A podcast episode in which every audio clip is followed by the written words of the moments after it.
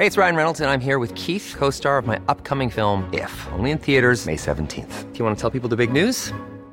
All right, I'll do it. Sign up now and you'll get unlimited for $15 a month in six months of Paramount Plus Essential Plan on us. Mintmobile.com slash switch. Upfront payment of $45 equivalent to $15 per month. Unlimited over 40 gigabytes per month. Face lower speeds. Videos at 480p. Active Mint customers by 531.24 get six months of Paramount Plus Essential Plan. Auto renews after six months. Offer ends May 31st, 2024. Separate Paramount Plus registration required. Terms and conditions apply if rated PG. In the market for investment-worthy bags, watches, and fine jewelry, Rebag is the answer. Rebag is a luxury resale platform where each piece is carefully inspected by experts to ensure quality and authenticity. Use Rebag to buy and sell finds from the world's top brands, including Louis Vuitton, Chanel, and Cartier. Head to Rebag.com to get 5% off your first purchase with code REBAGNEW. Shop today at Rebag.com. That's R E B A G.com. And use promo code REBAGNEW for 5% off your first purchase. Everyone knows therapy is great for solving problems, but getting therapy has its own problems too, like finding the right therapist, fitting into their schedule, and of course, the cost. Well, BetterHelp can solve those problems. It's totally online and built around your schedule. It's surprisingly affordable too. Connect with a credentialed therapist by phone, video, or online chat, all from the comfort of your home. Visit betterhelp.com to learn more and save 10% on your first month. That's BetterHelp, H E L P. I can discuss some of the psychological aspects of the case. You've got to get a hold of yourself. Now look here, Johnson, I'm going to get to the bottom of this. I can discuss some of the psychological aspects of the case. And you're really crazy, you know that? Oh, yes, I remember that. Is this any concern of yours? Stop, stop, stop it now. I mean it. Ja, hei, det er psykolog Sondre Livrød her. Diagnosen er dessverre svært alvorlig. Det viser seg at alt tenker og føler er feil. Du må for all del ikke stole på hjernen din, den lyver. Alt du opplever er filtrert via nevroser fra ubevisste avkroker. Hvis du følger nøye med, er det en liten mulighet for at jeg kan hjelpe deg. I can some of the I can some of the I can some of the psychological aspects of the case. You don't have very long. Hei og velkommen til en ny episode her på Sinnsyn. Denne gangen skal jeg tilbake til eh, en idé om at eh, følelser, tanker, fornemmelser, underliggende behov og konflikter som bor i vårt indre liv, det må vi klare å gi et eh, språk, vi må klare å beskrive det for at det skal bli synlig for oss. Alle de følelsene som vi ikke har et språk for, de blir ofte liggende i skyggen av vår bevissthet, men eh, de vil fortsatt gjøre seg gjeldende, men da ofte på en mer kroppslig måte. Så smerte kommer til uttrykk, smertefulle følelser de kommer til uttrykk, men hvis vi klarer å gi de et språk, så kan vi løfte de fra vondt i brystet til en type innsikt. Så det er en ganske sånn generell og alminnelig idé i psykologifaget som handler om å kunne beskrive sitt indre liv i stadig flere nyanser, og jo mer vi klarer å sette ord på, jo videre blir den psykologiske horisonten vår, på sett og vis. Men språket, det er også litt tveegga. Av og til så kan vi jo sette et språk på vårt indre liv som egentlig ikke utvider vår selvforståelse, men snarere binder oss til en snevrere forståelse av hvem vi er, og dette er et dilemma. Jeg skal starte dagens episode med noen halvfilosofiske betraktninger om talegaver og språk og hvordan dette skaper verden. For et litt spesielt trekk ved den såkalte postmoderne virkelighetsforståelsen er at man i hovedsak betrakter tilværelsen som en sosial konstruksjon. Denne forståelsen har sine røtter i en filosofisk strømning som kalles sosial konstruksjonisme. Det er en retning med røtter innenfor psykologi og samfunnsvitenskap, hvor hovedtesen er at mennesker konstruerer sin egen virkelighet gjennom språklig samhandling med hverandre. Det betyr at mennesker både påvirker og er sterkt påvirket av den kulturen de tilhører. Ved å legge språk på virkeligheten og de eksistensielle dimensjonene ved tilværelsen utvikles kulturelle fellesskap, Og disse kulturelle fellesskapene de er da bestemt og betinget av en type språkspill eller forståelsesramme som definerer, betinger og gjennomsyrer da våre liv og vår livsførsel. Dersom man setter dette på spissen, betyr det i ytterste konsekvens at endringer i språket, eller vårt kollektive begrepsverk, på sett og vis endrer virkeligheten. Det er muligens en filosofisk anfektelse som de fleste av oss ikke godtar helt uten videre, men ved nærmere ettertanke så finnes det åpenbart områder hvor den sosialkonstruksjonistiske tankegangen synes å ha en ganske reell gyldighet. Innenfor sosialkonstruksjonismen er altså språket et viktig omdreiningspunkt for den menneskelige eksistens. Språket er et merkverdig redskap som blant annet gjør mennesker til tidsspinnere. Gjennom tegn og symboler kan vi videreføre vårt tankegods og vår innsikt til kommende generasjoner, og likeledes kan vi sette oss inn i tidligere menneskers verdensoppfattelser.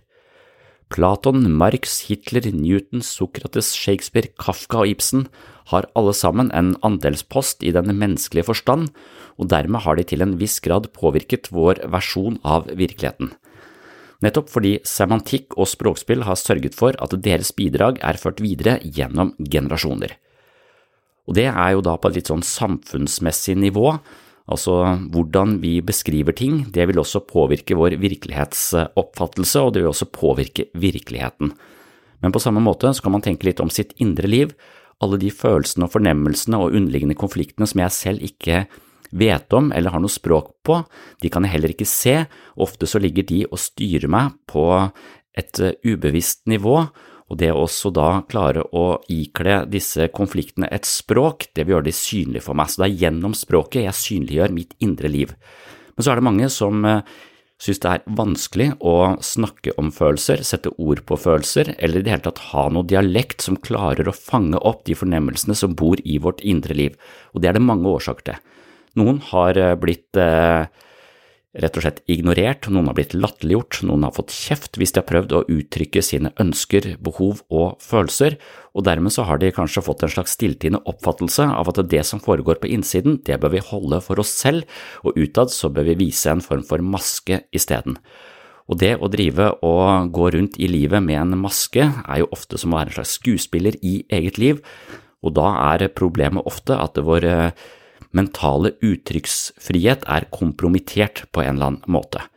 Så i dag så skal jeg rett og slett eh, tilbake til denne tematikken med mental eh, ytringsfrihet. Har du muligheten til å sette ord på ditt indre liv, da kan du bli synlig for andre, og hvis du er oppriktig i, den, i dine beskrivelser av deg selv, så kan du også binde ganske sterke bånd til andre mennesker. Men hvis du ikke er i kontakt med ditt indre, eller av ulike årsaker ikke våger å uttrykke hva du egentlig føler, mener og har behov for, så vil du ofte sette opp en fasade, og det skaper en vegg mellom deg og andre mennesker, og det ødelegger relasjoner.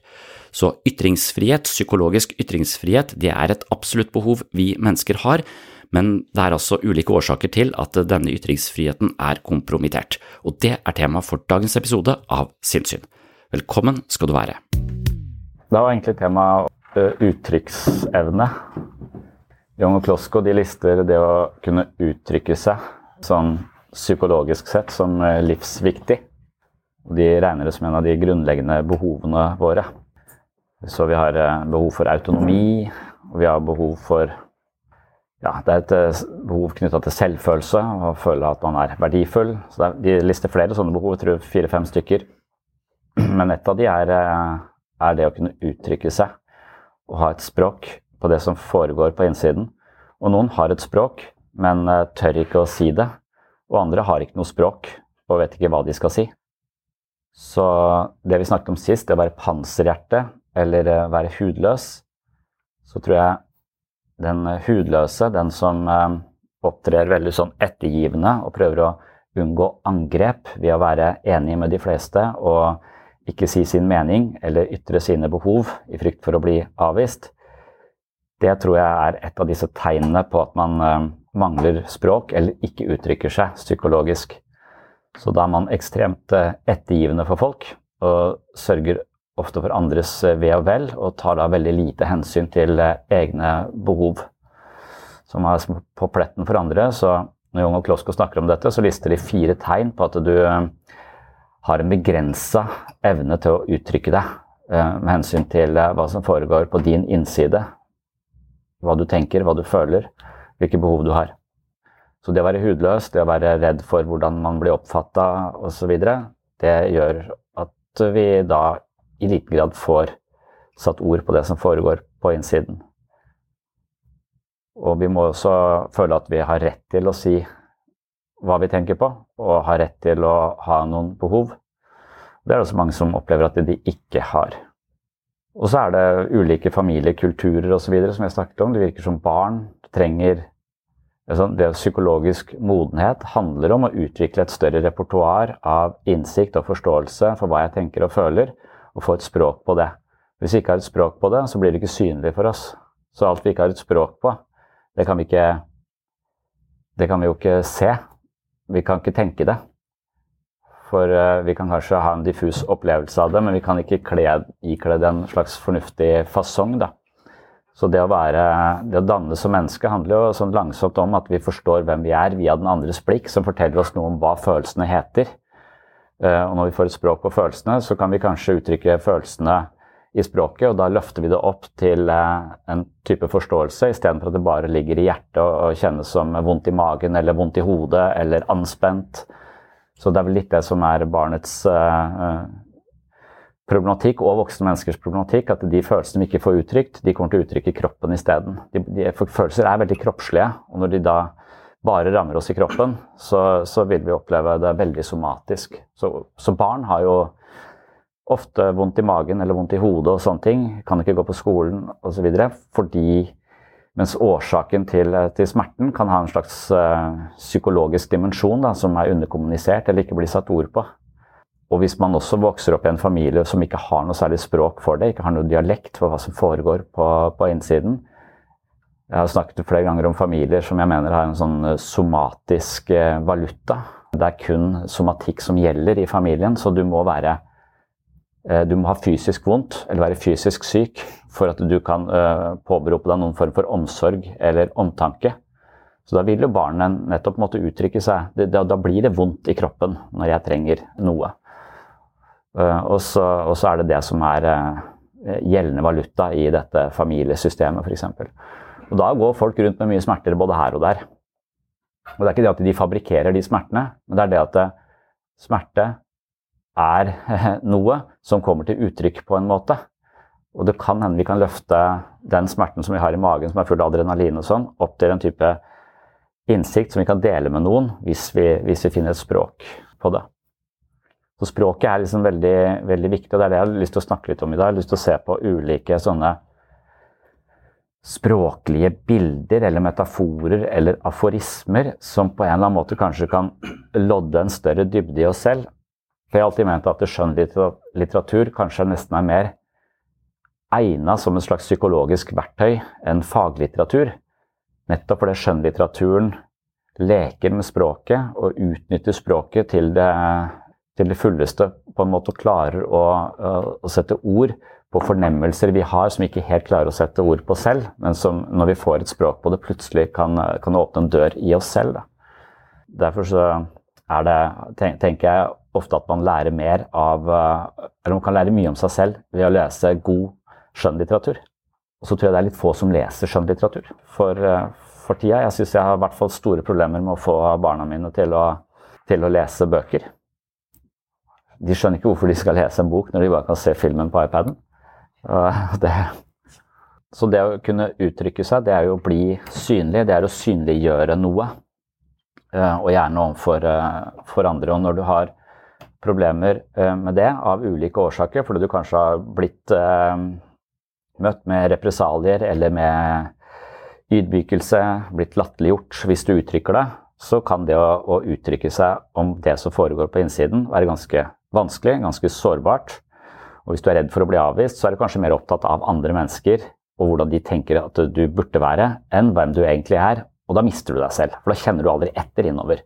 Du skal bare please andre og være sånn som andre tenker du skal være, det er også en slags um, effekt av uh, mennesker som har vokst opp med, med, folk som ikke har er romslig nok til å ivareta det, eller hvor det ikke er rom nok til å være seg selv.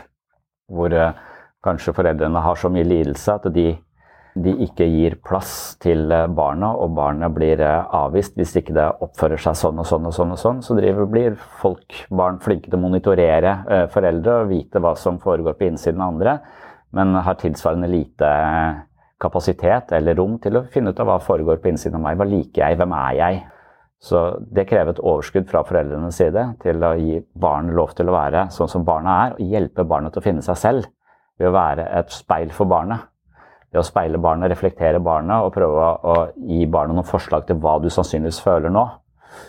Nå er du sannsynligvis sint, eller eh, du ble lei deg for dette. Og når du blir lei deg, så blir du dritforbanna. Altså, prøve å hjelpe barnet til å komme med dine forslag til hva som foregår. For det er sånn barnet forstår, forstår, sitt eget indre liv også, i samspillet med den andre.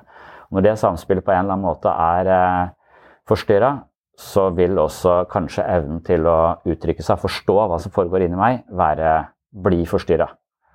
Og et tegn er at man er veldig ettergivende for folk. Et annet tegn er at man er eh, veldig forknytt eller kontrollert man kan være en sånn arbeidsnarkoman eller en person hvor hele livet dreier seg om perfekt fasade, karriere eller sånn politisk og religiøst korrekt livsførsel. Så man finner noen systemer, noen regler som man skal oppføre seg etter, og så, og så gjør, man, gjør, man, det. Det er også et tegn på litt problemer knytta til å uttrykke seg mer fritt. Da. Det er en slags ytringsfrihet i dette her, at man nesten med viten og vilje setter seg inn i et slags eh, regime med ganske strenge regler. Fordi man er redd for å uttrykke seg åpent. Så rigiditet, det å være streng med seg selv, det å være perfeksjonist, er et uttrykk for dette. Når du er streng og rigid, så forsvinner spontaniteten. Du gjemmer deg bak en fasade og du blir liksom borte i alle pliktene. Så de, man, her er det en sånn leveregel som heter strenge standarder og overdrevent kritisk. Det henger sammen med manglende evne til å, til å kunne uttrykke seg fritt. Og Det gir litt mening, det å være litt sånn rigid og, og, det er rett og det er galt og osv. Det blir veldig sånn moralsk, det blir, blir, veldig strengt. Det er veldig lite ytringsfrihet der. Det er veldig lite kreativitet og spontanitet, og det er veldig lite humor. Jeg mener jo at eh, humor krever at man er litt umoralsk. Du kan ikke ha høy moral og være veldig morsom. Det, det er uforenlig. Du er nødt til å Altså Det å være morsom er ofte å bryte moralske koder litt, eller i hvert fall kødde litt med det. Og ikke ta de så uh, høytidelig. Ikke ta seg selv så høytidelig. Så hvis du har veldig høy moral, så er du litt lite morsom, tror jeg. Så det er også et, eh, et tegn. Um, noen vil også oppleve seg selv som følelsesmessig helt flate, hvor eh, spontaniteten drukner. Og, og liksom uh, alle sånne naturlige reaksjoner på begivenheter, så det dempes da uh, bak en fornuft veldig fornuftige mennesker f.eks. Kan, kan virke også Alt de sier er riktig, men spontaniteten har eh, forsvunnet for den ekte følelsen, og det følelsesmessige uttrykket er, er drukna av eh, forklaringen. Det har vi snakket om i forrige time også, at dette her er sannsynligvis et stort problem eh, for mange. Det å kunne uttrykke seg fritt. Ofte så er det følelsen av skam som ligger over uttrykksfriheten. Sånn at For skammen er der for å prøve å skjule noe. ikke sant? Det er jo det er jo å Det vil virkelig fasilitere å prøve å gjemme seg bak en maske. Ikke vis dette til noen, men sårbarhet er litt det motsatte, å være mer gjennomsiktig. Men for å være sårbar, så må du på en måte krige mot skammen, da. Så, så skammen kan uh, hemme det å våge å, å uttrykke seg, fordi den skal anspore deg til å prøve å skjule deg istedenfor å være, være åpen. Det er et problem. Et annet problem er kanskje at vi mangler språket. Det er noe som heter aleksiotomi, hvor man ikke helt har noe språk på, på følelser. Jeg har møtt noen sånne som, som, ikke har noe som helst språk på hva som foregår av eh, emosjonalitet på innsiden. Og blir da veldig overraska når det renner vann ut av øynene. For, for, de skjønner ikke hva som Det renner vann ut av øynene mine. Ja, moren din er død. Altså, er du ikke trist? Trist. Altså, at det er, det er liksom bare Kroppen bare reagerer uten at de har noen forståelse for at det hører til en, en følelsesmessig reaksjon. Det er, det er um, ikke noe språk på følelser, så er det, det, er som, det er veldig rart å møte en sånn person. De stusser over ting som andre tar helt, helt for gitt. Og så tenker jeg da at eh, Psykologifaget vil jo, og akkurat som litteraturen, det vil jo være å hjelpe oss å prøve å lodde dybden i oss selv. Og det eneste verktøyet vi har, folk er helt opptatt av verktøy, det er jo språket. Og jeg tror hvis vi skal dele ut verktøy, så må det være å dele ut metaforer. Altså jeg trenger et, et verktøy for å Ja, du, du, trenger å synliggjøre sider ved deg selv som uh, du holder i en eller annen form for eksil, eller som du dømmer som uh, uh, uakseptabelt og har plassert utenfor deg selv. Sånn at det ligger i skyggen og, og og prøver å huke bein på deg eller dukker opp i drømmer osv. Så, videre, så du er nødt til å finne et, et, språk på det. Hvis du får et språk på det, så kan du se det, og når du da kan se det, så kan du langsomt integrere det som del av deg, og da vil det ikke, vil det ikke ligge som et sånt fremmedelement i deg og overmanne deg, men faktisk være en del av eh, din selvforståelse, sånn at du får en slags større horisont på hvem du er, du får en større oversikt over, over hvem du er, og da trenger vi språket eh, ofte. Men språket er tvega, for språket kan på den ene siden binde oss til forklaringsmodeller som er helt som er altfor smale og trangsynte. Så på en måte så kan du prøve å forstå deg selv, og når du da tenker at det, sånn er det, så har du blitt en fundamentalist. Du har fått én forklaring på deg selv. Jeg er ikke god nok. Punktum. Da går jeg ikke eh, videre og undersøker flere aspekter ved hvorfor jeg ikke lykkes i denne situasjonen. Det er bare fordi jeg er et dårlig menneske. Ferdig. Da, språket, da tjener ikke språket deg på noe som helst måte. Du har laget én forklaring som binder deg til en veldig snever selvforståelse. Diagnoser kan jo fungere på den måten hvis vi, hvis vi ikler noen en bestemt forklaringsmodell ut ifra ICD-10, så, så, kan det være at de kjøper den forklaringen, blir den forklaringen, lever den forklaringen. Noe som kanskje begrenser livet deres mer enn det åpne livet deres. Så språket kan jo så jeg, jeg kan jo påføre mennesker sykdommer de ikke har, ved å påstå at de har de lenge nok. Jeg kan påstå også at mennesker er på en bestemt måte. Og hvis jeg da har eh, autoritet og tyngde, så kan de begynne å tro på det og bli det. Så språket er litt farlig. Språket kan jo binde oss, eh, men det kan også åpne verden eh, for oss. Derfor er språket så tvega. Så ikke språket trenger vi for å se flere sider av oss selv. Det er som lommelykta vi bruker til å, til å lyse rundt i vårt eget indre. Og jo mer vi kan sette ord på, altså alle de sidene med meg selv jeg kan sette ord på, de vet jeg jo om, og de vil ikke overraske meg. Og i neste sving, når jeg vet om de, så kan jeg også korrigere for de. Eller nå vet jeg at jeg har en tendens til å gå i de kampene, og nå ser jeg at det dukker opp en sånn kamp, så jeg tror jeg bare går litt til venstre. Akkurat i denne situasjonen så slipper jeg den eh, mellommenneskelige tvisten der som ikke fører til noe annet enn mer uvennskap og hat. Altså, jeg, så, så jeg, jeg, kan se ting ved meg, ved meg, selv. Språket kan åpne meg. Og Det er der jeg syns eh, skjønnlitteraturen eh, er et eh, viktig bidrag. da men så må vi hele tiden huske på at hver gang vi har funnet en forståelse, en metafor som treffer oss i hjertet, så, så er det bra. Saml på den, ta den med deg, men ikke gi den noen altoverskyggende eh, forklaring på hvem du er. Det, det, du vil aldri komme til bunns i deg sjøl. Du vil bare få flere måter å forstå det på som kan berike deg. Men hvis du leter etter én forklaring, hvem er jeg, hvorfor er jeg sånn, og, og kan det være en eller annen nevrologisk feilkobling som, gjør, eh, som forklarer hele min, eh, mitt, mitt, liv, så, så er, frykter jeg at du da setter deg fast. Da vil ikke språket tjene deg. In the market for investment-worthy bags, watches, and fine jewelry, Rebag is the answer. Rebag is a luxury resale platform where each piece is carefully inspected by experts to ensure quality and authenticity. Use Rebag to buy and sell finds from the world's top brands, including Louis Vuitton, Chanel, and Cartier. Head to Rebag.com to get 5% off your first purchase with code REBAGNEW. Shop today at Rebag.com. That's R E B A G.com. And use promo code REBAGNEW for 5% off your first purchase.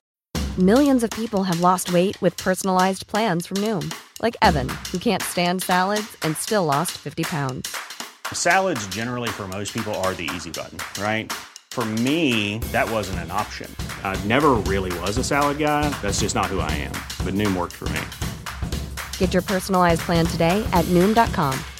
Real Noom user compensated to provide their story. In four weeks, the typical Noom user can expect to lose one to two pounds per week. Individual results may vary. Burrow is a furniture company known for timeless design and thoughtful construction, and free shipping, and that extends to their outdoor collection. Their outdoor furniture is built to withstand the elements, featuring rust-proof stainless steel hardware, weather-ready teak, and quick-dry foam cushions. For Memorial Day, get 15% off your Burrow purchase at burrow.com slash ACAST and up to 25% off outdoor. That's up to 25% off outdoor furniture at burrow.com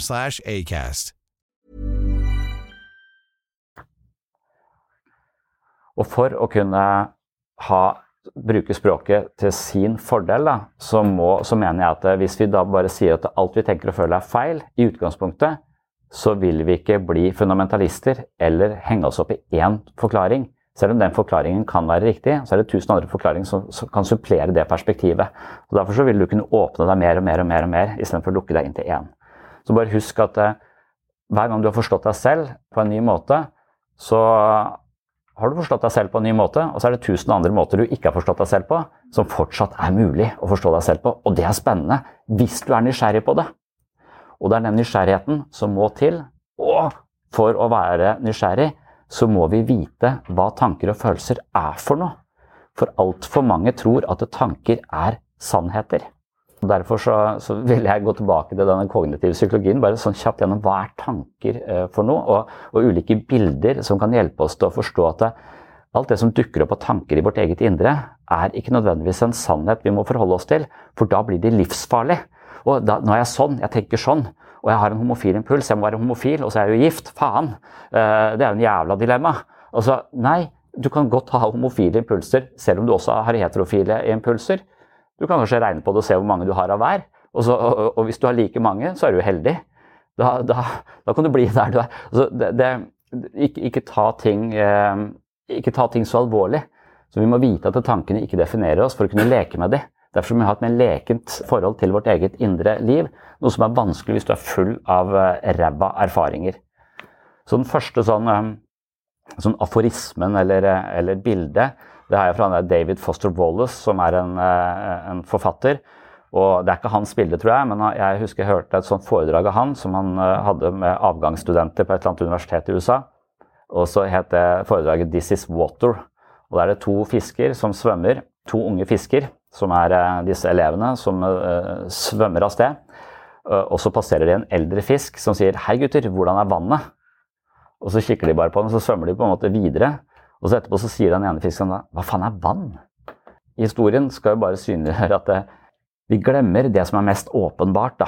Og fisken vet kanskje ikke at den bor i et vann, for, den, for det vannet er det. Det er liksom selve eksistensberettigelsen til fisken. Fisken er i vannet, og det er ikke sikkert fisken reflekterer over hvordan det vil være å være i vann. Den bare er i vann. Eh, og det som er mest åpenbart for oss, eh, det er kanskje tankene, holdningene og verdiene våre. Og de er ofte så synlige at de nesten er usynlige. Vi bare har de. Vi bare tenker ikke over hva slags verdier vi har. Vi tenker ikke over at tanker er tanker. Vi bare tenker tanker, og så forholder vi oss til, eh, til de. Og da er det fire ting om tanker som vi er nødt til å huske på. Punkt én tanker er ikke sannheter. Eh, og, og dermed så, og et bilde på det vil være at tankene mine tenker jeg ligner mer på et bilde av Picasso enn et bilde av Tidemann og Gude. For Tidemann og Gude de maler figurativt. Altså, det, det, er, det, er, et figurativt eh, et maleri som reflekterer virkeligheten på en ganske korrekt måte. Picasso maler på en måte som ligner virkeligheten, men er helt fordreid og rart. Så jeg tenker at tankene mine vil ligne mer på et non-figurativt bilde enn et figurativt bilde, som regel. Men noen av tankene mine er mer figurative enn andre. Og det er opp til meg å, å prøve å justere og finne ut av.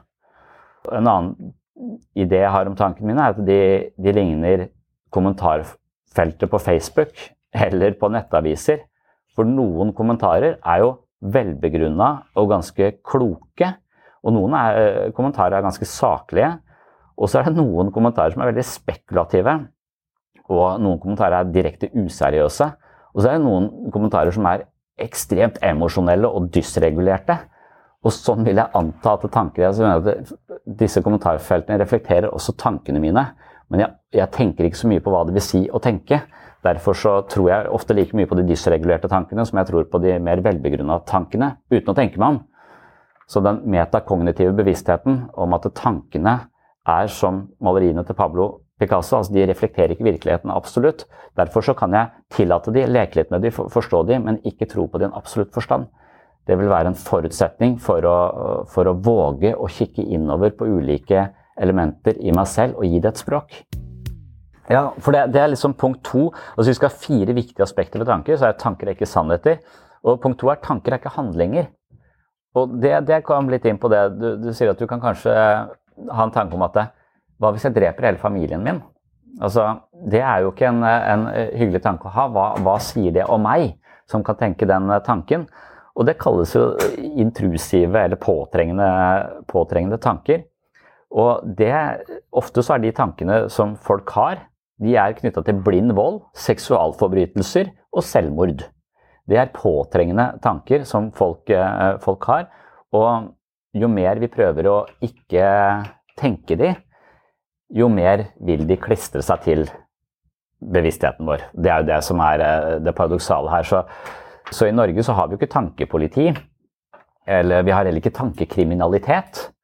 Men vi er nok vårt eget tankepoliti ofte. Og når vi ansetter et eget tankepoliti som sier at den typen tanker det er sånn, det, sånn vil ikke jeg, det er et ikke-meg, så hold de utenfor bevisstheten. Så vil du jo nettopp hele tiden fokusere på om det er de tankene som dukker opp, klistre de til bevisstheten. Så det paradokset der har vi jo vært inne, eh, inne, på før. Så det klokeste man gjør med, med, tanker, er jo å bare tillate at de kommer, men ikke nødvendigvis gi de eh, så mye oppmerksomhet. Jeg tror vi bør forholde oss til tankene av den type, disse påtrengende tankene som er sånn bestialske, eller hva hvis jeg stikker kniven i øyet når jeg hakker Det er mange sånne artige ting som kan dukke opp i et, i et hode. Eh, la det, ikke prøve å stoppe det. Eh, heller ikke prøve å henge deg på den tanken. For den tanken er ikke den reflekterer, den er ikke en handling, det er en tanke. Den er ikke, eh, ikke materiell på på en, måte. Og så tror jeg vi forholder oss best til tankene sånn som vi burde forholdt oss til Donald Trump. Altså, vi burde, Jo mer oppmerksomhet vi gir den mannen, jo mer innflytelse får han. Så det beste ville være å bare Han er der, og så bare la han være, og ikke drive og hekte seg opp i den. Ja, men jeg kan ikke stikke kniven i øyet mitt. Så, det er sånn vi holder på med Donald Trump. Vi driver og gir han oppmerksomhet hele forbanna tida, for vi klarer faen ikke å la være. Og jo mer oppmerksomhet, jo større blir han. Til slutt så overtar han hele verden. Så han er som en slags påtrengende tanke, tenker jeg. Som, eh, som, som vi ville, ville, Og det sier media også. Det ville vært best hvis vi bare ikke blåste opp dette her hele, hele tida. For det er jo vi som gjør han til denne bastionen av en uh, verdenspsykopat, liksom. Ja, jeg tror ikke helt jeg skjønner det der med, med sånne tanker. For jeg, jeg syns nesten jeg har for lite sånne intrusive tanker. Jeg skulle gjerne hatt litt flere. Det, for, for, det ville være hvis, hvis du har sånn for, for, jeg mener jeg har et ganske sånn løselig forhold til tankene mine. Jeg, sånn, jeg, jeg, har, driver ikke noe tankepoliti. Jeg kan ha de tankene som, som måtte dukke opp. Men de er sjelden spesielt originale. Jeg syns bare de er litt kjedelige, egentlig. Uh, sånn at hvis jeg hadde tenkt sånn at Oi, hva hvis jeg stikker kniven i øyet mitt? Liksom, så, oi, det Jeg er nesten blitt litt imponert over hjernen min. Jeg vet ikke om det er det dere snakker om, men jeg er litt usikker på om, om vi må se også forskjell For vi, må, vi, vi, tenk, vi, kan jo aktivt tenke oss, vi kan jo bruke tankevirksomheten vår på en, på en aktiv uh, måte. Og så tror jeg vi ikke helt vet hva som er forskjell på grubling og bearbeiding, f.eks. For når du leser om tanker, så, så viser det seg ok, noen mener vi har 20 000 opptil 70 000 tanker gjennom hodet i løpet av et, eh, et, døgn. Det er ganske mange, de bare flagrer eh, forbi. Mange av de legger vi ikke merke til. Og spørsmålet er hvor ofte tenker vi helt nye tanker? Ikke så ofte, egentlig. Vi har ganske mye repeterende eh, tanker. Og så skjer det ting i livet vårt som vi er nødt til å tenke gjennom. Og det er jo bearbeidet som vi opplever dødsfall, vi opplever samlivsbrudd, vi opplever ting som er eh, skakende og dramatiske. Og etter sånne hendelser så må vi gjerne gå tilbake til de hendelsene, tenke på de, for å gi dem en mening, for å prøve å forstå det, for å ta en lærdom av det, for å integrere de i fortellingen om hvem vi er, og finne ut av hvordan skal vi leve videre med disse erfaringene. Det er jo det man kaller bearbeiding. Og hvis vi unngår å bearbeide, hvis vi unngår å kjenne på den smerten og den frykten for å være ensom, eller hva det vil være i samlivsbruddet, eller, eller hva, hva, det skulle være, hvis vi bare hopper bukk over det, så er vel ideen at da blir vi hjemsøkt. Det er, liksom, det er jo spøkelse. Uh, metaforen spøkelser kommer fra denne psykologiske måten å håndtere ubehag på. At vi bare prøver å unngå det og løpe ifra det, ikke bearbeide på en måte, og så hjemsøker det oss senere. Så vi må bruke en form for aktiv tankegang. Vi er nødt til å gå tilbake og prøve å finne en eller annen form for forståelse og mening i det som uh, uh, har skjedd. Men så tror jeg det er en hårfin grense mellom å bearbeide ting og gruble på ting. For hvis du bearbeider, det er altså en nødvendig tankeprosess for å komme seg videre i livet. Og så legge vanskelige ting bak seg og integrere det smertefulle og det som har vært gledelig, i den fortellingen om meg, mitt narrativ, fortellingen om mitt selv, skal inneholde dette. Og nå har jeg forstått det. Jeg har forstått det og det og det, eh, og det er en del av meg. Denne smerten er, eh, skal, eh, må jeg leve med, og det blir en del av min fortelling. Det er jo å bearbeide. Mens, den, mens når du grubler på ting, så, så bearbeider du ikke. Du er stranda i fortiden. Du går hele tiden tilbake til fortiden og blir værende i fortiden. Og det tror jeg er eh, noe ganske annet. så Derfor tror jeg det er viktig å spørre seg selv om når fortiden trenger seg inn i nåtiden for oss, er det fordi vi ikke har tenkt nok på fortiden, eller er det fordi vi ikke greier å tenke på noe annet enn fortiden? Det er to forskjellige eh, Noen ganger har vi ikke tenkt nok på det.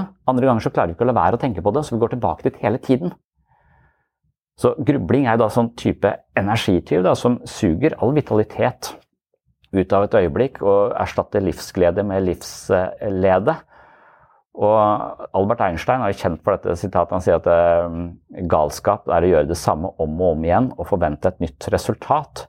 Og jeg tror det er egentlig Det kan du bruke på grubling. for altså, Det å gruble det er å tenke på det samme på nytt og på nytt og forvente at det skal føre til frisk og vital innsikt. Det fører ikke til innsikt når du tenker på det samme på samme måten om og om og om igjen. Det er å tenke på tomgang, det. Det er mental drøvtygging. Uh, og det er noe annet enn å bearbeide. Så, så, akkurat hva som er forskjellen på de to tingene der, syns jeg er litt uh, vanskelig å vite noen ganger. Og det er en sånn aforisme av, um, av han Irvin Yalom, som uh, har skrevet masse gode folkepsykologiske bøker. Og han er kjent for sitatet 'Det nytter ikke å håpe på en bedre fortid'. Jeg vet ikke om det har så mye med det å gjøre, men, men han mener at, eh, at eh, han kan observere at eh, personer som har vokst opp i harmoniske familier, de forlater gjerne familien sin uten å se seg så mye tilbake igjen. Mens de som har størst grunn til å flykte fra den familien, for det var et forferdelig sted, de sleper fortiden etter seg som et anker, sier han. Og han sier det er viktig å ha et bevisst forhold til sin egen livshistorie, altså bearbeide men det er problematisk om vi blir så opphengt i fortida at vi går baklengs inn i fremtiden. Og det skjønner jeg, for jeg, jeg føler når vi lever et liv i preteritum, som man sier, så risikerer vi at følelsene våre er i overensstemmelse med det som var, og ikke det som faktisk er. Og da vil vi ofte få sorg på besøk, og bitterhet kommer til å ligge som en slags slør over blikket vårt på, på verden. Så det å gå baklengs inn i fremtiden ja, jeg, jeg, jeg, tror kanskje at følelser som ikke får et språk, ligger litt i skyggen av forståelsen vår, sånn at de ofte er kroppslige. Jeg tror følelser grunnleggende sett er kroppslige.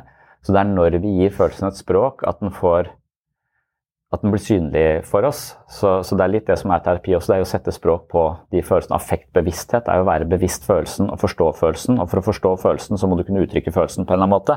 Og da tenker jeg at jo, jo mer nyansert språket ditt er, jo rikere språket ditt er, eller hvis du har treffende metaforer som bare så, hvor to ord bare får deg til å begynne å gråte, liksom, eller det, det, det, akkurat den setningen traff deg. Da må den ikke være for intellektuell eller for forklarende heller. Den må kanskje være mer malerisk for, for, for, å, for å treffe de. Men, men, jeg er helt enig i at jeg går akkurat samme vei. Jeg kjenner på en type uro.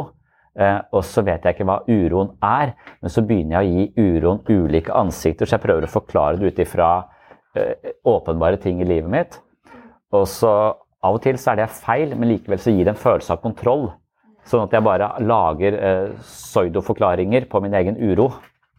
Um, og det, det, gir meg en sånn uh, midlertidig lettelse, men så vet jeg at den uroen stikker dypere. Uh, på en måte, og Hvis jeg nøster meg lenger og lenger ned i lagene, så vil, jeg, vil det dukke opp uh, uh, ting som er vanskeligere og vanskeligere å, å, å, se på. Og Det er der jeg liksom lurer på om jeg Vi snakket om i stad, og som jeg tenkte på meg selv, at jeg, jeg tror jeg er ganske åpen, ganske gjennomsiktig, men på en sånn passe måte. For jeg kan utbrodere til dere hvor jævlig forbanna jeg er på å, føle meg Eh, nærmest uh, utsatt for et overgrep når jeg skal være trener for seksåringer. Fordi de er så jævlig freidige. og de bare sier, altså Jeg har aldri følt meg så overkjørt før. Og så har jeg ikke, noe, har jeg ikke lov til å, å, ta igjen med min sarkasme og verbale retorikk. For det første så skjønner de ikke uh, hvor frekk jeg er mot dem. Og, og, for andre så er ikke det lov. Så jeg har, jeg liksom, jeg har ikke, så jeg er bundet på hender og føtter, så jeg føler Og det kan jeg si til, eh, til hvem som helst, på en måte, hvor, hvor, irritert jeg er for det. Jeg kan være veldig åpen på det. Og så det noen ja, men det er lett, det er bare så morsomt, liksom. Du sier det. Ja, det er morsomt når jeg sier det til folk jeg ikke kjenner. Eh, eller kjenner bare sånn perifert. Men når jeg snakker med, med, de som står meg nærmere, så er det hakket mindre morsomt. For når jeg peker på de barna, så peker jeg også på meg selv. Er de bortskjemte?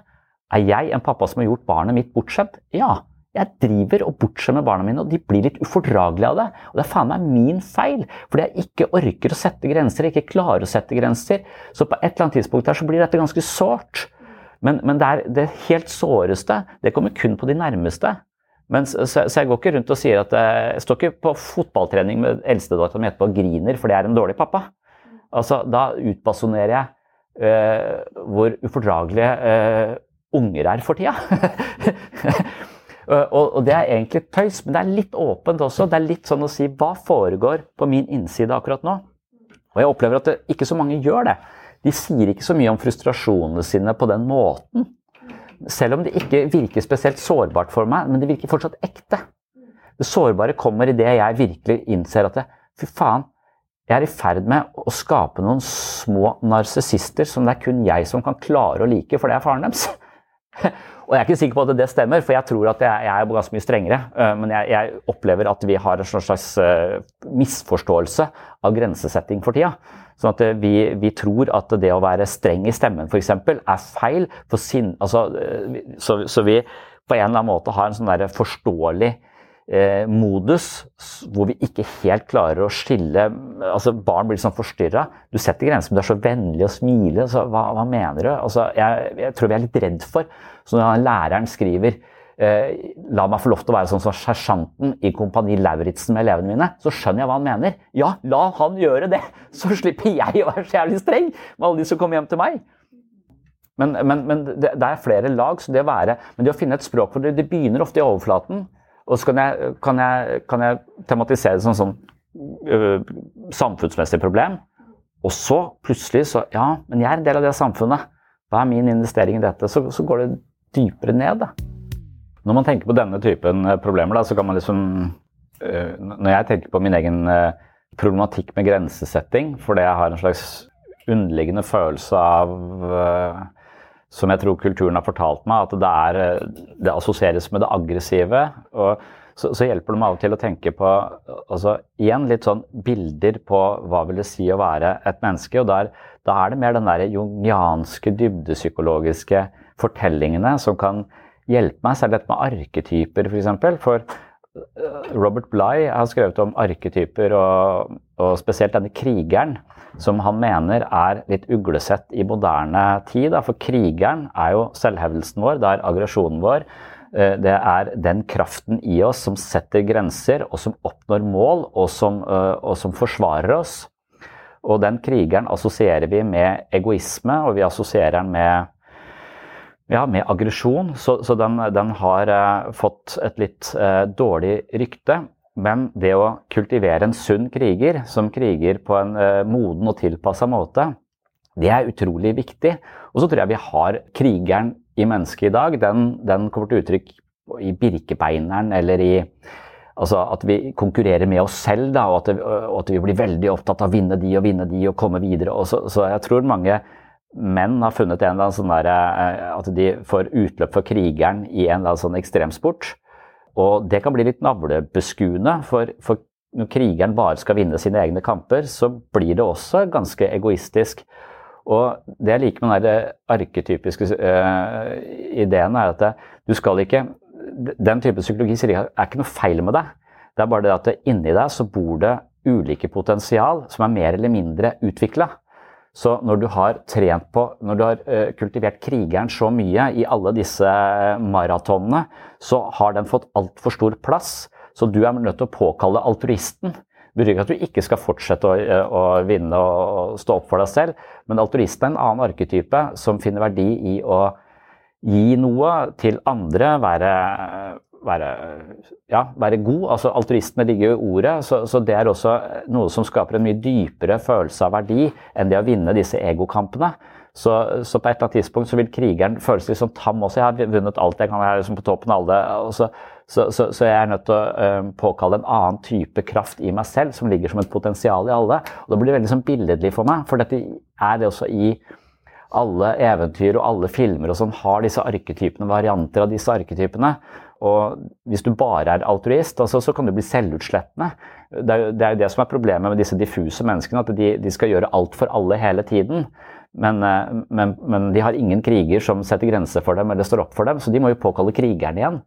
Eh, så det å finne et eh, Hvis du undertrykker krigeren, så blir det til overgrep og pedofili, skriver, skriver han Robert Bligh i den Iron John-boka. Jeg vet ikke hvordan pedofili kommer inn der, men han mener at det blir til kvinnemishandling. Det blir til det blir en sånn oppkok aggresjon som blir pervertert. på en måte, så Hvis vi ikke klarer å finne en plass, en balansert plass til krigeren, så, så, så vil samfunnet eh, få en ubalanse som synliggjøres i et eller annet eh, symptom.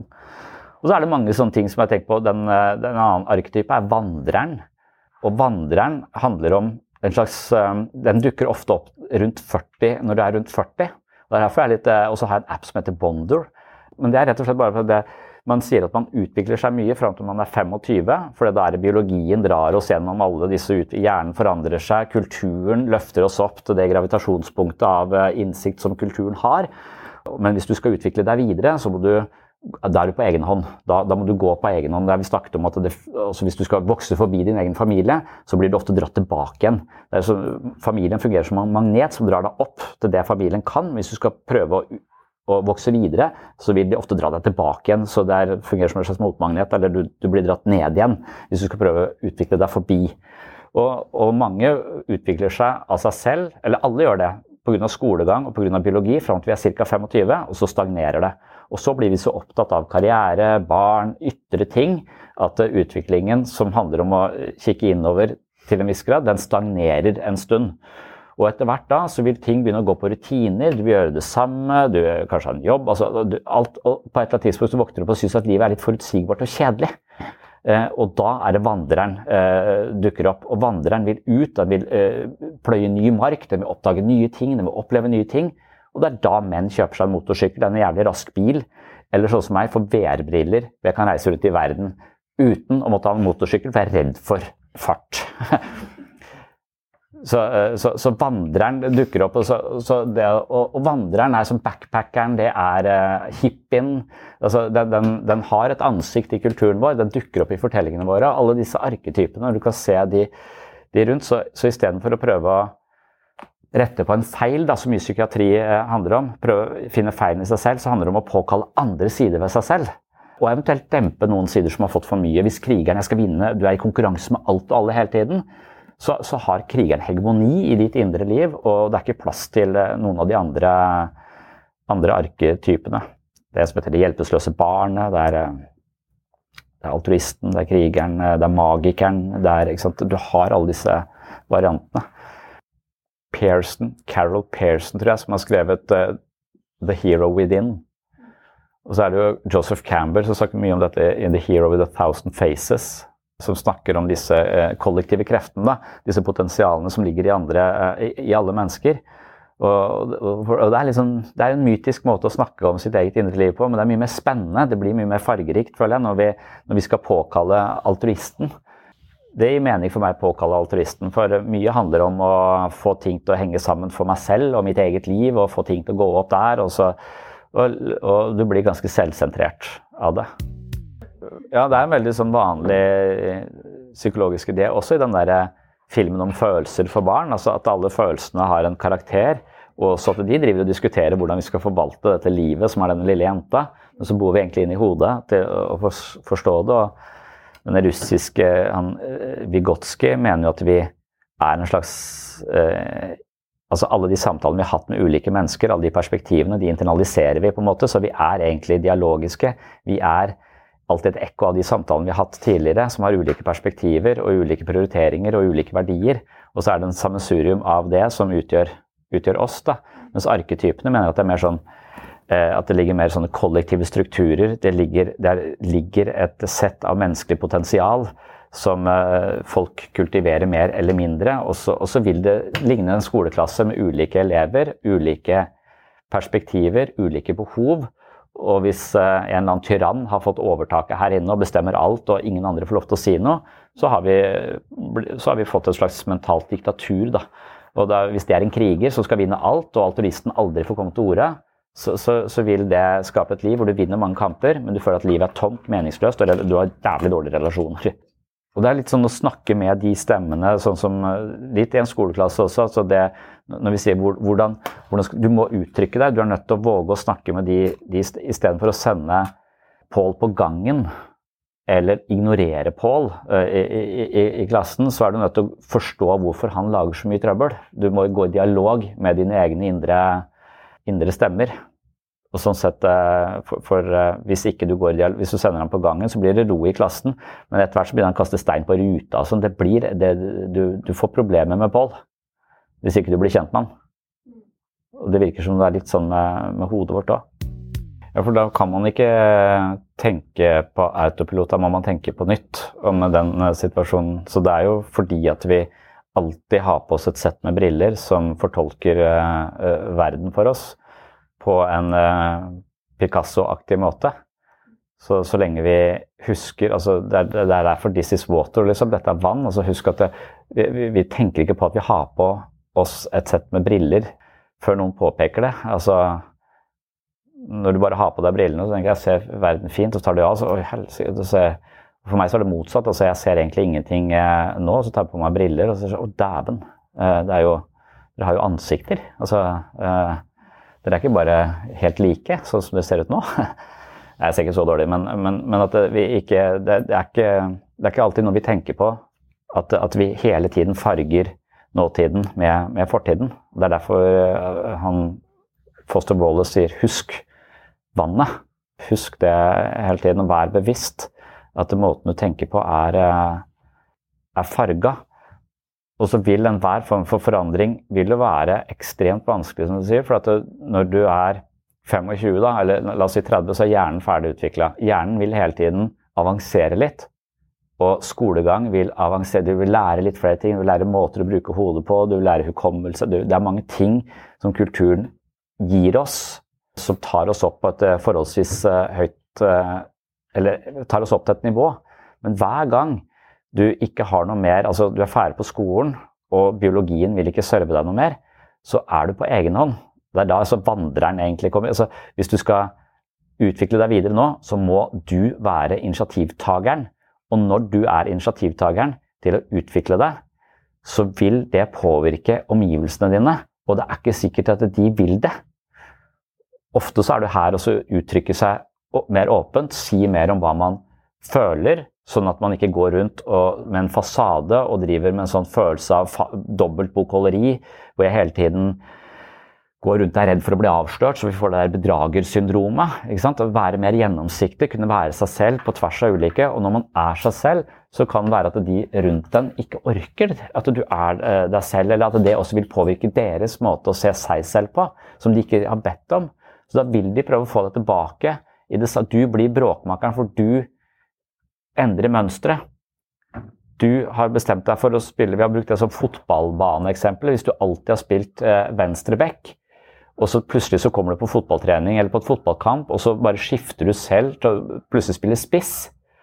Og når midten da sentrer tilbake til venstre bekk, og det aldri er noen der, og du jobber helt oppe på motstanderens mål, så blir du dritforbanna på det. Kom deg tilbake dit, liksom. Du, du, du gjør ikke jobben din.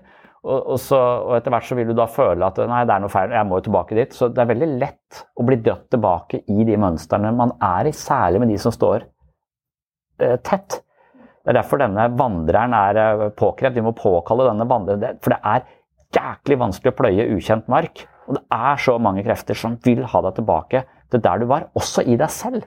For det var en beskyttelse der. Du er mer sårbar når du skal ut i verden.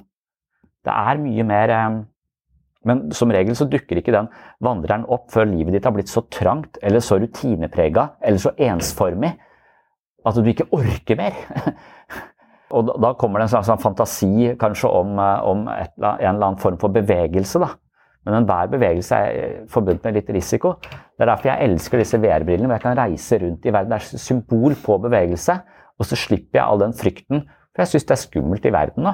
Jeg tør ikke å reise ut. Jeg er redd for å, å, å havne i Ja. Og hvis jeg skal dra ut, så skal jeg dra til et sted jeg har vært før. og det, det, er derfor man, man liksom sånn har oppsummert hva er behandling. Behandling er og for oss i hvert fall, den, det vi tenker er at det, det, handler om mentalisering. For det er liksom en slags uh, paraplybetegnelse på nettopp de tingene. Altså, mentalisering er å se seg selv fra utsiden og andre fra innsiden. Og Det som delt opp i to, da, se seg selv fra utsiden, det innebærer en vilje til å reflektere over avstanden mellom hvordan verden oppfattes av oss, og hvordan vi oppfatter oss selv som du sier, altså, Hvordan ser andre mennesker meg, kontra hvordan ser jeg meg selv? Og Der er det en diskrepans, ikke sant? fordi vi er helt uh, forskjellige. Så en vilje til å undersøke hvordan dere opplever meg. Altså våge å se meg selv fra den stolen hvor den andre sitter, hvor jeg ikke sitter fordi den er opptatt av den andre. Det er en, en knaus å se meg selv fra som jeg ikke er tilgjengelig. Men hvis vedkommende våger å gi meg sitt blikk fra den, det perspektivet, så kan det kaste lys over eh, sider ved meg selv som jeg ikke ser. Og det er å se seg selv fra utsiden. Og så handler det også om å se andre uh, fra innsiden, som er å, å, vite at veldig mye av det folk uttrykker, er noe annet enn det som foregår på innsiden. Så det å kunne avkode folk fra innsiden, det er også en veldig De mener det er en egen evne vi kan ha. Vi kan forstå andre mennesker fra innsiden, og vi kan forstå oss selv fra utsiden. Og det å forstå andre mennesker fra innsiden, det er de som er opplevd mye omsorgssvikt, ganske gode på. For de klarer å føle folk. Det, men det å klare å, være, å, ha en slags korrekt forståelse av hva som foregår på andre menneskers innside, det kan vi aldri ha. Jeg tror det er et juv mellom oss og den andre, men vi kan ha mer eller mindre, være mer eller mindre gode på det. Så vi kan avkode det ganske korrekt. og Da vil vi også forstå andre mennesker på en dypere måte. Og da vil vi også kunne, kunne være mer fleksible i møte, i møte med dem. Så, så det er akkurat det der å se seg selv fra, fra utsiden, andre fra innsiden, det som overskriften på nesten all, all behandling, det gir litt, gir litt, mening. Og det gir litt sånn mening til å, å huske at tanker er tanker, din forståelse er din uh, forståelse. Men det er smertefullt da, å bli sett fra utsiden. Det er smertefullt, og, og det er derfor jeg har den der forsvaret mitt med at jeg sier ok, du ser meg på den måten, jeg tenker det er 20% sant. For du er full av nevroser, du ser ikke ting klart. og så eh, tenker jeg over det eh, noen dager, og så tenker jeg ok, når jeg har tenkt på det og klart å, å, å, å, se det, altså ikke gruble på det, men bearbeide det, så sier jeg du har 30 rett. Eh, jeg øker prosentandelen litt, og da har jeg tatt enda litt mer ansvar for det. Og etter hvert så kanskje jeg tar enda mer ansvar for det, fordi at jeg gir en høyere grad av sannhet om, om meg selv. Også, også, men i den farten jeg kan leve med. Men hvis du misforstår tankens vesen eller beskrivelsens kraft, så vil et annet menneskes kritikk av deg slå rett inn som en 100% sannhet, og du går rett i bakken. Og det er jo ikke, Da har du misforstått hva tanker er. Du har misforstått hva meninger er. Du har misforstått hva et perspektiv er. Det er ikke Tidemann og Gude. Det er Pablo Picasso hvis vi alltid husker det, så kan folk kritisere deg ganske kraftig, og de kan være inne på noe. Må du, du, må ikke avskrive det, men du må heller ikke ta det rett inn. Det, det, du, du, må, du, må, leke med det. Og da, For å leke med det, så må du vite at dette kan være passe sant, det kan være litt sant. Det er akkurat som Facebook-kommentarene. Noen er velbegrunna, noen er rasjonelle, noen er jævlig emosjonelle. Altså, det er, Og enhver ting som slår inn hos deg, må du øh, ta på den måten. Takk for at du hørte på Sinsyn. Det var det jeg hadde om å sette ord og språk på vårt indre liv, og hvordan aforismer, bilder og metaforer ofte kan være viktige psykologiske verktøy for å lodde dybden i seg selv. For de følelsene vi ikke har språk på, eller ikke klarer å uttrykke, blir ofte til symptomer. Evnen til å tåle, forstå og uttrykke følelser, meninger og behov er sannsynligvis helt avgjørende med hensyn til psykisk sunnhet. Noen mennesker vokser opp i familier hvor det ikke er rom for å uttrykke seg, noe som ofte danner grunnlaget for psykiske problemer senere i livet. Følelser og behov som ikke blir uttrykt, hoper seg ofte opp og kommer til uttrykk på uheldige måter. Eksempelvis finnes det mange mennesker som er redde for sinne og konflikt. De unngår ofte å si sin mening i frykt for ubehagelige mellommenneskelige situasjoner. Når man holder følelser av frustrasjon og irritasjon tilbake, risikerer man at de kommer til uttrykk på destruktive måter. Kanskje mister man kontrollen på en fest og havner i slåsskamp, eller kanskje de undertrykte følelsene fører til anspent muskulatur i nakke og rygg, som videre avstedkommer somatiske plager som migrene eller kanskje diffuse muskelsmerter. Noen mennesker skader seg selv, noe som også kan forstås som en fysisk utagering av underliggende følelsesmessig ubehag. Poenget er at de behovene, ønskene, meningene og følelsene vi ikke får uttrykt på en adekvat måte i språket, ofte får fysiske utslag eller omdannes til symptomer som angst og depresjon. Muligheten for å uttrykke seg er også et slags grunnleggende menneskelig behov. Det handler om friheten til å uttrykke våre ønsker, behov, følelser, også sinne og naturlige drifter. Her er det sentralt at man bebor en tro på at man har lov til å uttrykke seg, og at egne behov er like viktige som andres eh, behov. Man skal rett og slett ha muligheten for å være spontan og livskraftig uten overdreven beskjedenhet. Man skal føle at det er tillatt å forfølge interesser og impulser som gjør oss glade og engasjerte. Man har ideelt sett hatt rikelig med anledning til å leke og være kreativ, og ikke bare hatt tid til krav, arbeid og konkurranse. Et barn som vokser opp i et miljø hvor man oppfordres til å uttrykke seg, vil gradvis oppdage egne interesser og hva man foretrekker. Sånn sett lærer man å ta sine egne behov med i avgjørelser i tillegg til andres behov. Balansen her er viktig. Har man manglet frihet til å uttrykke seg, vokser man ofte opp med en tanke om at man bør tilfredsstille andres behov på bekostning av egne. Har man motsatt fått for mye frihet i oppveksten, risikerer man å glemme andres behov når man skal ta avgjørelser og planlegge. Dersom man vokser opp i en familie som på ulikt vis forhindrer at man uttrykker seg, eksempelvis dersom man straffes eller får skyldfølelse når man uttrykker sine behov, preferanser eller følelser, risikerer man et livsmønster hvor følelsene holdes på avstand. I en slik familie går ofte foreldrenes behov på bekostning av barnas.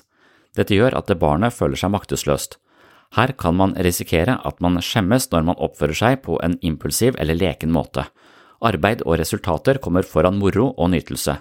Man får på sett og vis ikke den tiltrengte anerkjennelsen og kjærligheten fra foreldrene med mindre man oppfører seg prikkfritt. Og det er også i dette landskapet man finner grobunnen for denne pliktskyldige oppførselen og gjerne perfeksjonismen hvor alt må være opp til høythengende standarder og man eh, langsomt eh, forstår sin egen verdi i kraft av eh, graden av prestasjoner og perfeksjon, og det blir et ganske rigid og trangt liv å leve, hvor man hele tiden lever for å prestere top notch, og hele tiden så finnes det måter å prestere bedre på, så man vil nok aldri føle seg helt tilfreds, og det her er jo perfeksjonismens eh, ja, man skal si, ulykksalige psykologi, som vi har snakket om mange ganger tidligere i eh, denne podkasten her sånn. Men det var det jeg hadde for eh, denne gang. Takk for følget. Hvis du vil ha mer sinnssyn, så vet du hvor du skal gå. Da kan du gå til mitt mentale helsestudio, enten på patron.com for slash sinnssyn, eller laste ned Sinnssyn-appen. Og på begge de to plattformene så kan man tegne et abonnement og få tilgang til masse, masse mer sinnssyn hver måned. Takk for følget, og velkommen tilbake. Oh, I'm just losing my mind, that's all.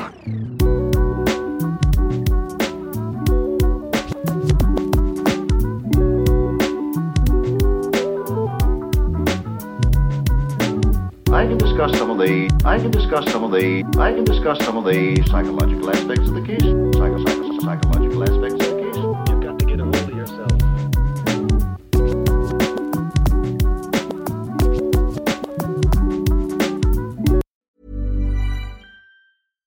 Deserves the best, and there's no better place to shop for Mother's Day than Whole Foods Market. They're your destination for unbeatable savings, from premium gifts to show-stopping flowers and irresistible desserts. Start by saving 33% with Prime on all body care and candles. Then get a 15-stem bunch of tulips for just $9.99 each with Prime. Round out Mom's menu with festive rosé, irresistible berry chantilly cake, and more special treats. Come celebrate Mother's Day at Whole Foods Market. Hey, it's Paige DeSorbo from Giggly Squad. High quality fashion without the price tag. Say hello to Quince.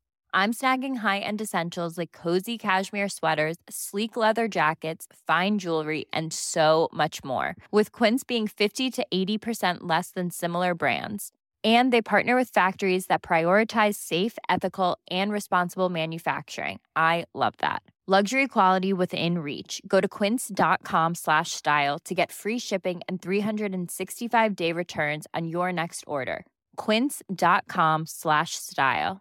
Mom deserves the best, and there's no better place to shop for Mother's Day than Whole Foods Market. They're your destination for unbeatable savings, from premium gifts to show-stopping flowers and irresistible desserts. Start by saving 33% with Prime on all body care and candles. Then get a 15-stem bunch of tulips for just $9.99 each with Prime. Round out Mom's menu with festive rosé, irresistible berry chantilly cake, and more special treats. Come celebrate Mother's Day at Whole Foods Market.